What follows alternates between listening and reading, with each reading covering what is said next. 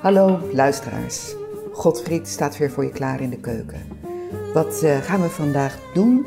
Ik ga een hele simpele, maar hele lekkere Franse tomatentaart maken.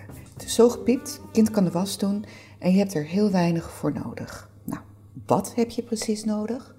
Een pakje roomboter bladerdeeg, een goede tros met ongeveer 8 rijpe, zoete tomaten, scherpe mosterd, Dijon mosterd doet het heel goed voor dit recept, 250 gram pittige kaas. Ik vind het heel lekker om gruyère of comté te gebruiken.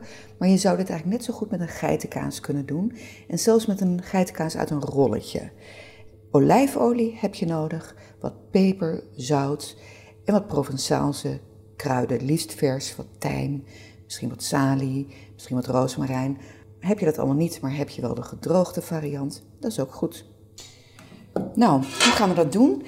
Ik doe het altijd in een echte quiche vorm, zo'n mooie ronde vorm met die ribbeltjes aan de zijkant en de bodem die je eruit kan duwen, die omhoog gaat.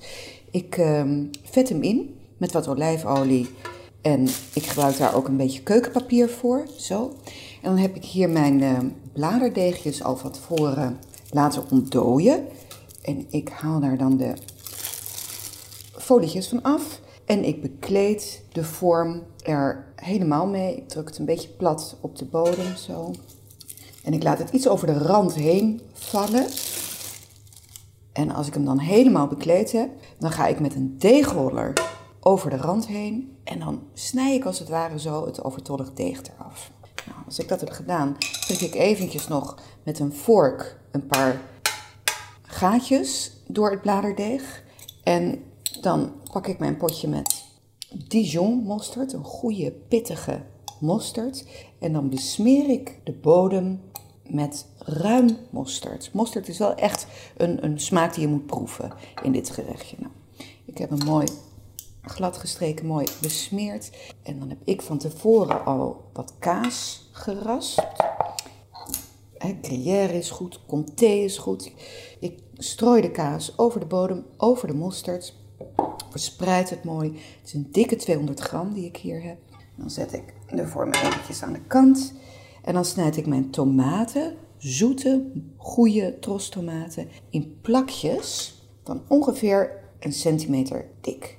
En dan leg ik die tomaatjes, ehm, als je een kontje hebt, met de schilkant naar beneden, zodat je overal mooi de zaadjes en de binnenkant van het tomaatje ziet. Je kan het dakpansgewijs doen, maar het mag ook random als je maar de hele bodem bedekt met je tomatenplakjes. Als je dat gedaan hebt, bestrooi je de tomaatjes met wat zout. Zo. En wat verse peper. En je kunt daarna wat gedroogde Provençaalse kruiden gebruiken. Maar in dit geval, ik heb heerlijke verse tijm. En dat ziet er zo prachtig uit. En dat is zo'n mooie combinatie. Dus ik ris er wat blaadjes tijm overheen. En dan maak ik hem af met wat olijfolie. Ik sprenkel het er overheen. En dan is eigenlijk mijn basistaart klaar. Ik heb de oven al net op voorverwarmen gezet. Ongeveer 185, 190 graden. Dus ik doe hem open. En ik schuif mijn taartje erin. En dan gaan we over 25 minuutjes maar weer eens kijken. Bij mij is het nu een klein half uurtje later. Ik kijk door het ruitje van de oven en ik zie een prachtig goudbruin taartje met rode glimmende tomaatjes. Dus op, oven open. En daar gaat hij dan. De tart au tomaat. Hoppakee. Ik laat hem rustig even afkoelen zo. Als je hem nou straks op een makkelijke manier uit de vorm wil halen, dan werkt het voor mij heel goed om een kom, gewoon een soepkom neer te zetten en de vorm in zich heel op de kom te zetten, zodat het binnenblad naar boven komt. Dat kan je dan zo uitpakken en dan kan je serveren. Voor het serveren doe ik er nog wat verse basilicum overheen, nog een klein beetje olijfolie en misschien wat zeezout.